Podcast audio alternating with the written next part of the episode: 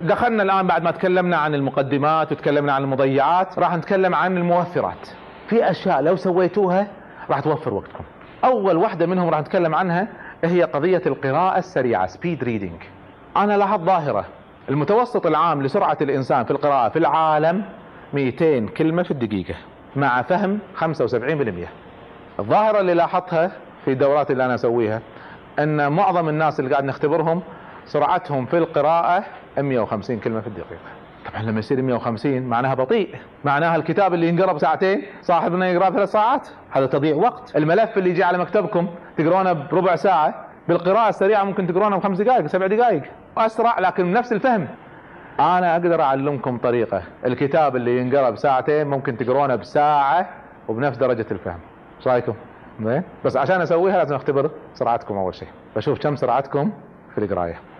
اذا عندنا موضوع القراءة السريعة والقراءة السريعة ممكن الواحد يتعلمها يقرأ نفس المواد أسرع وبنفس الفهم. هذا ميزة كبيرة جدا. المتوسط العام كم يقرأ الإنسان؟ الناس اللي خريجين اللي مستواكم آه، يقرون حوالي ساعتين في اليوم. طبعا لما قبل ما أتعلمها كنت أقرأ مثل باقي الناس. الآن أنا أقرأ الكتاب اللي كنت أقرأه ثلاث ساعات اقراه بساعة إلا ربع. ومستعد أختبر مع أي واحد قراه الطريقة التقليديه كل الدراسات اللي يقرون بالطريقة اللي تعلمناها هذه كل الدراسات أن أسرع وأكثر فهم. في وسائل أن الإنسان يقدر ينمي قدراته واحدة منها قضية القراءة السريعة. طيب. عندنا صفحة هي عبارة عن إرشادات. خلونا نقرأ الإرشادات مع بعض. راح يكون عندكم صفحتين مطلوب قرايتهم. راح أعطيكم إياهم بعد شوي. المطلوب تقرونها بسرعتكم الطبيعية. لا تحاولون تقرون بسرعة لا تحاولون تقرون ببطء. طيب بعدين لو حاولتوا تقرون بسرعة راح يبين لأن راح نسوي لكم اختبار فهم. فإذا قريتوا بسرعة أكثر من اللازم راح تطلع درجاتكم في الفهم. قل لا تحاولون تقرون ببطء لأن في النهاية راح نقيس مقياسين. كم سرعتكم كم السرعة وكم الفهم. فإذا الفهم عالي والسرعة ضعيفة ماكو فائده وإذا السرعة عالية والفهم صغير ما في فائده فخليكم سرعتكم. الطبيعية لأنه راح يأثر. فاقروها بشكل طبيعي. طبعا راح نكون هادين. فرجاء أي واحد آه، يقرأ بدون مقاطعات لا حد يقرأ بصوت عالي لا حد يشوش على اللي جنبه. واللي يخلص رجاء آه، يعني لا يشوش على الآخرين. أول ما نبدأ راح نسجل الوقت بالدقائق والثواني. فيكم أحد ما عنده ساعة فيها ثواني؟ زين إذا إذا فيكم على كل طاولة حطوا لنا ساعة فيها ثواني. عندكم ساعة فيها ثواني؟ عندك؟ حطوها بينكم. حطوا لكم ساعة فيها ثواني. زين اللي راح نسويه الله يرضى عليكم إن لما نقول ابدأ مو شرط تبتدون بنفس الوقت بس اللي يبدأ فيكم يطالع الساعة في مربع صغير مكتوب فيه سجل وقت البداية. زين؟ راح نسجل فيه وقت البداية. راح أشرح لكم بعد شوي راح يجيكم بس خليكم معي في الإرشادات الآن.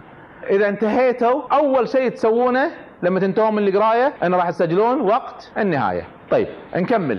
بعد هذا راح نحسب الفرق ما بين وقت البداية وقت النهاية. راح يطلع عندنا الوقت المستغرق في القراءة بالدقائق والثواني. وراح أوريكم الجدول بعد هذا. وبعدين في 20 سؤال مطلوب تجاوبونهم. بناء على الكلام اللي قريتوه. ممنوع. أعيد. الله يرضى عليكم. ممنوع ترجعون للأوراق اللي قريتوها. لازم تجاوبون بناء على الذاكرة. طبعا في النهاية اختبار لكم. اللي يحب يرجع وهذا كيف؟ يقعد يخدع نفسه. اختبار لكم. فما راح أخذ أنا النتائج. هذه النتائج لكم. طيب. اذا بعد ما تخلصون راح تجاوبون ال 20 سؤال. وبعد ال 20 سؤال موجود الإجابة الصحيحة. الإجابة الصحيحة تقارنونها بإجاباتكم وتشوفون كم درجتكم من 20 وبعدها راح نعطيكم جدول فيه المقارنة ما بين السرعة والاستيعاب. طيب زين فراح نسجل وقت الانتهاء. بعدين اطرح وقت البدء بدء من وقت الانتهاء. فراح نحسب الفرق. طيب بعدين راح نروح الجدول. إذا مثلا دقيقتين و20 ثانية راح نعتبرها دقيقتين ونص. إذا دقيقتين وعشر ثواني راح نعتبرها دقيقتين. نقربها لأقرب نص دقيقة. أوكي. بعدين نشوف الجدول لو سمحتوا طالعوا معي. ركزوا معي. راح نشوف الجدول. إذا قرايتي ثلاث دقائق ونص كم سرعتي؟ 171 إذا قرايتي أربع دقائق وربع. زين؟ فراح تصير ما بين 135 و 150 يعني حوالي 142 فأقدرها. إذا كانت بينهم ممكن أقربها أو ممكن أقدرها. طيب. إذا هني في المربع اللي تحت هذا إيش راح نكتب؟ ما راح نكتب الوقت راح نكتب السرعة. فالسرعه راح ناخذها من الجدول اللي هني. في أحد مو فاهم هذا الجدول؟ واضح؟ حد يحتاج أعيد؟ ترى أعيد ما عندي مشكلة. زين مرة ثانية. حسبنا بديت أنا 12 و40 دقيقة ونص. وانتهيت 12 و43 معناها اخذت أنا دقيقتين ونص في القراية. إذا حسبت وقت النهاية خصمته من وقت البداية دقيقتين ونص. أروح للجدول. دقيقتين ونص شنو تحتها؟ 240 راح أكتب في المربع اللي هني 240 هذه سرعتي. معناها أنا سرعتي 240 كلمة في الدقيقة. خلونا نكمل الإرشادات لو سمحتوا. هذا المنشور اللي صفحتين فيه 600 كلمة بالضبط. خلونا أشرح لكم مش قاعد نسوي إحنا. لما كتبت المنشور فيه 600 كلمة بالضبط. لو قريتوهم في دقيقة كم سرعتكم؟ 600 كلمة في الدقيقة. لو قريتوها في دقيقتين معناها 300 كلمة في الدقيقة. فمن هنا جاء الجدول. هذا معناها إيش قاعد نسوي إحنا؟ فإحنا قاعد نحسب كم سرعتكم بناء على تقرونه. وبالتالي المنشور المفروض ما يأخذ معاكم بالكثير أكثر من خمس دقائق. لو قريتوه بست دقائق معناها سرعتكم 100 كلمة في الدقيقة اللي هي بطيئة جدا. طبعا في ناس أنا شفتهم 80 كلمة في الدقيقة أبطأ من هذا بعد. خذوه بسبع دقائق. زين فمرة ثانية أقروا بسرعتكم الطبيعية واحسبوا سرعتكم على هالجدول. طيب بعدها راح يجيكم اختبار المقدرة على الاستيعاب. اختبار المقدرة على الاستيعاب 20 سؤال. الصفحة الأولى فيها الأسئلة من واحد إلى عشرة. قبل ما نكمل بس لاحظوا معي راح يجيكم الجملة تحطون إما صح أو خطأ. تحطون إشارة. بدون ما ترجعون بناء على تذكرونه هل الجملة هذه صحيحة ولا الجملة خطأ؟ زين الصفحة اللي بعدها فيها الأسئلة من 11 إلى 20 الصفحة اللي بعدها رجاء ما تفتحونها إلا لما تخلصون. اللي فيها الإجابات الصحيحة. الجملة الأولى صح ولا غلط؟ الثانية صح ولا غلط؟ وتقارنون هذه الصفحة بإجاباتكم. تقارنون الصفحة هذه بإجاباتكم. وتشوف كم واحدة جاوبتها بشكل صحيح. كم واحدة شكلها صحيح؟ خلينا نقول 15 من 20 13 من 20 الآن نأتي للصفحة الأخيرة. افرضوا أن شخص استيعابه 16 16 درجة من 20 شنو سرعته اللي لازم تكون؟ أقل سرعة نقبلها منه هي 190 هذه السرعة المقبولة. إذا أقل من 190 معناها بطيء. إذا سرعته وصلت إلى 250 فهو من ضمن ال 25% الأوائل في البشر. إذا سرعته وصلت إلى 300 فمعناها هو من ضمن العشرة بالمية الأوائل في السرعة في البشر. واضح؟ زين. إذا مرة ثانية إيش راح تسوون؟ تحطون دائرة على درجتكم وتشوفون سرعتكم. والله 13 وسرعتي 300 معناها أنا ما بين 270 و 300 أنا هني اذا أنا وضعي زين. لكن أنا لو 13 وسرعتي 200 معناها أنا بطيء جدا. المفروض سرعتي أقل شيء أقل شيء 270 فإذا كنت أقل من هذا الرقم معناها أنا بطيء. اللي بطيء لازم يتعلم شلون يقرأ بسرعة. اللي سرعته زينة خلاص ما عنده مشكلة. طيب التمرين ياخذ خمس دقائق بالكثير للقراءة وياخذ له خمس دقائق بالكثير لحل الإجابات والتقييم. راح أبدأ بتعليم القراءة السريعة للكتب. للكتب. الكتب قراءتها تختلف عن قراءة باقي المقالات. فخلونا نستعرض القراءة السريعة للكتب. في طريقة في القراءة السريعة نسميها الخمزات الخمسة. هذه ترجمتي أنا الشخصية. اسمها الإنجليزي SQ3R كتبوها. هذه الطريقة تعلمنا شلون نقرأ كتاب بسرعة. الكتاب اللي ياخذ معي ساعتين صار ياخذ معي ساعة ساعة إلا ربع أحيانا نص ساعة حسب حجم الكتاب حسب طبعا صعوبته حسب معرفتي في الموضوع كلها تتأثر في هذه المسألة. كيف سأقرأ الكتاب؟ بالطريقة التقليدية؟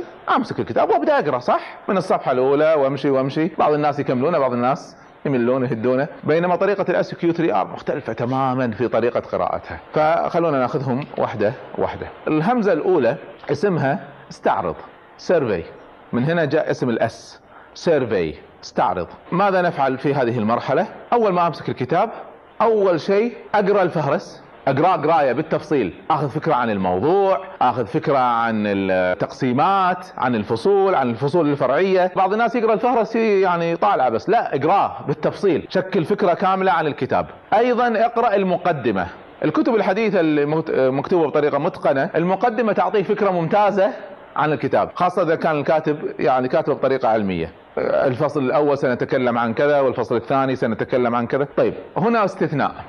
هذه الطريقة لا تنطبق على الكتب التي تقرأ للمتعة. يعني أنا بقرأ قصة. ما أطبق الطريقة هذه أقرأ القصة. أو بقرأ قرآن. والقرآن الكريم يقرأ للاستمتاع وزيادة الإيمان واستشفاف الأحكام. ما يقرأ لأخذ فكرة أو أخذ معلومات وبس. وبعدين كل حرف فيه أجر ف قراءته تختلف. اذا هذا هذه الطريقة سنطبقها على الكتب باختصار الكتب اللي العلمية الكتب الفكرية الكتب اللي أنا باخذ منها معلومات. طيب اذا مرة ثانية في في مرحلة استعرض راح أسوي ثلاث أشياء. راح أقرأ الفهرس هذا كله إذا تحبون تكتبونها تحت استعرض. ألف راح نقرأ الفهرس. وباء راح نقرأ المقدمة. وجيم راح نتصفح الكتاب. نتصفح الكتاب. ما أقرأ. بس اتصفح اطالع شلون تقسيماته آه، فقراته الفصل هذا طوله أشوف الصور إذا في صور. يعطيني فكرة.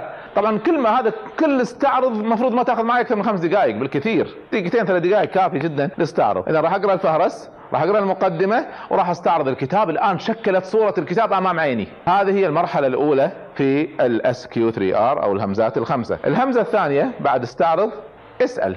اذا في مرحلة اسال راح نكتب أسئلة على هامش الكتاب على هامش العناوين خلينا ناخذ الكتاب على ال geopolitics وأثرها في العالم العربي. ففي الفصل الأول تعريف ال geopolitics. أنا ما أعرف شنو تعريف الجيو فأكتب سؤال ما هو تعريف ال geopolitic؟ بعدين فصل ثاني الآثار العشرة الرئيسية لل geopolitics. ما هي هذه الآثار العشرة؟ ما أعرفها. فراح أكتب على هامش السؤال على هامش هذا ما هي الآثار العشرة؟ اذا يمكن أكرر حتى العنوان نفسه ما عندي مشكلة. بس المهم أنا راح أحدد شنو النقاط اللي أحتاج أعرف فيها معلومات وأحتاج أحدد ما هي المعلومات التي يريد أن أعرفها. طيب لما يحط فصل جغرافية العالم العربي. أنا أعرف جغرافية العالم ما أحتاجها. إذا ما هو كل شيء راح اقراه راح أقرأ اللي ما أعرفه وأقرأ اللي يهمني. وبالتالي راح أبدأ أستعرض الكتاب بالطريقة هذه وكل ما مر علي شيء أحتاج أني أعرفه راح أحوله إلى سؤال. وأكتب هذا السؤال أكتبه فعلا على هامش. بعض الناس يخاف يشطب على الكتاب إيش حق أنت شاريه؟ عشان تتعلم منه. شطب وحط إشارات وحط خطوط وخذ راحتك عشان تتعلم. فاذا أنا راح أشطب أحط بعض العلامات أحط علامة استفهام أحط سؤال أكتبه. أحيانا يكفيني إني أحط علامة استفهام يعني هذا العنوان بعرفه كله ما أحتاج أكرره مرة ثانية. اذا هذه هي مرحلة اسأل. راح أمسك الكتاب من أوله إلى آخره. تصفح سريع ووضع أسئلة. اذا هذه هي المرحلة الثانية.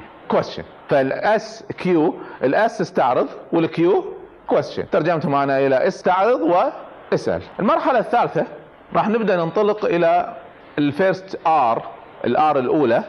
3 R يعني R R R ال R الأولى read اقرأ.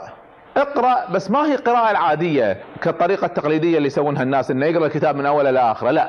الآن بعد ما سويت مرحلة اسأل راح أبدأ بالكتاب من جديد. والصفحة وين ما وصلت إلى نقطة فيها سؤال من أسئلتي أنا اللي كتبتها. راح أقرأ إلى أن أحصل إجابة على سؤالي. خلينا ناخذ مثال في ال geopolitics. لما يقول تعريف ال geopolitics. دائما في كلمة تعريف راح يحطون كلام إنشا كثير وبعدين قال فلان كذا وقال فلان كذا وقال فلان كذا. وأنا رأيي في النهاية أن التعريف الصحيح هو هذا. أنا إيش في الكلام هذا كله؟ أنا ما جاي ما أنا جاي أتخصص في الجيوبوليتكس. أنا جاي أخذ معلومات. أنا يهمني في النهاية هذا الباحث بعد ما خلص واستعرض. شنو رأيه؟ فاذا راح أطالع بسرعة أشوف إيه وين؟ عادة يحطونها بخط غامق ولا يحطها في نهاية وتعريفي الخاص أو يبدأ فيها بفقرة جديدة. بالكتب الإنجليزية طريقتهم في الكتابة عجيبة جدا. مو الكتاب عبارة عن فقرات. أول جملة في الفقرة هي ملخص الفقرة دائما. هذا الكتابة الإنجليزية. أول جملة في الفقرة هي الملخص وباقي الفقرة شرح لهذه الجملة. إحنا كنا لما ندرس هناك كنا لما نقرأ كتاب ونبي نراجع حق الامتحان بس نقرأ أول جملة في كل فقرة. لأنه خلاص يعطيك الملخص كله خاصة إذا الإنسان دارسه. نفس الشيء إذا كان كتاب مكتوب بطريقة متقنة راح أسوي هذا. إذا ما هو مكتوب بطريقة متقنة اذا اللي راح أسويه إني راح أدور النقاط اللي أنا أبحث عنها. اذا في هذا الفصل راح أقرأ للبحث عن تعريف ال geopolitics يعتمد اذا على حسب معلوماتي عن الكتاب على اهتماماتي في الكتاب. وأكمل. وين أوقف؟ على أسئلتي. أي سؤال يمر علي راح أوقف وأقرأ. إذا ما مر علي سؤال خطر. طيب نأتي للمرحلة الرابعة. المرحلة الرابعة اسمها recite. recite سمع. بس طبعا لما جيت أنا أترجمهم الأولى استعرض والثانية أجب والثالثة اقرأ. ما حبيت أحط سين. فقلت أجب. عن الأسئلة عن ظهر غيب. عشان تصير خمس همزات ها؟ ركبها غصب يعني. فالهمزة الخامسة أجب عن الأسئلة غيبا. شنو هي يعني؟ الآن أنا خلصت الكتاب قريت إجابة على أسئلتي. الآن راح أبدأ اتصفح الكتاب بسرعة مرة ثانية أوقف عند أسئلتي. وأي سؤال من أسئلتي يمر علي راح أقول الجواب من قلبي. مثال ما هو تعريف الجيوبوليتكس؟ وصلت لهذا السؤال؟ أنا قريته قبل شوي. الآن أوقف سكر كتاب تعريف ال geopolitics من رأسي. كذا وكذا وكذا. إذا ما عرفته راح نسوي شيء ثاني. إذا عرفته خلاص أكمل. إذا المرحلة الرابعة الأسئلة اللي أنا كنت كاتبها وقريت الإجابة عليها بتأكد إني عرفتها وفهمتها. فأقوم أسمع عن غيب. افرضوا إني وصلت لل geopolitics والآثار العشرة وبديت أسمع الاثر كذا وكذا وكذا. ذكرت سبعة بس ما تذكرت عشرة. هنا راح تأتينا المرحلة الخامسة. إذا المرحلة الرابعة إني راح أمر على أسئلتي وأحاول أسمع عن غيب الإجابة على هذه الأسئلة. الآن يأتينا السؤال الخامس أو الجزء الخامس وهو ال R الأخيرة. Re-read اقرأ مرة أخرى. بس ماذا أقرأ مرة أخرى؟ ما أقرأ كل شيء. السؤال اللي جاوبته عن غيب خلاص عرفته. السؤال اللي كنت متردد فيه ولا ماني متأكد منه وجاوبته جزئيا هذا اللي أقرأه مرة ثانية. خلينا ناخذ مثال. أنا في الآثار العشرة تذكرت سبعة فأروح أفتح على هذا الجزء.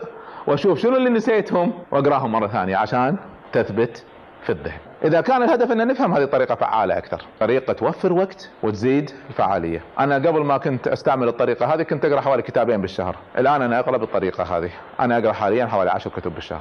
زين؟ كتاب أحيانا ما يأخذ معي ساعة إلا ربع. أذكر مرة كنت في اجتماع ممل كانت هاي معي مضطر أحضره. وهم يجتمعين وأنا قاعد أخلص الكتاب. ما خلص اجتماع إلا أنا خلص من الكتاب. مرة ثانية دعونا نقرأ لنزيد معلوماتنا مو لنزيد عدد الكتب اللي قرأناها. فبعض الناس يقول قرأت كذا كتاب مو هذا الهدف. كم تعلمت؟ هذا هو الهدف. هذا اللي إحنا تعلمناه الآن هو اللي سميناه ال SQ 3 R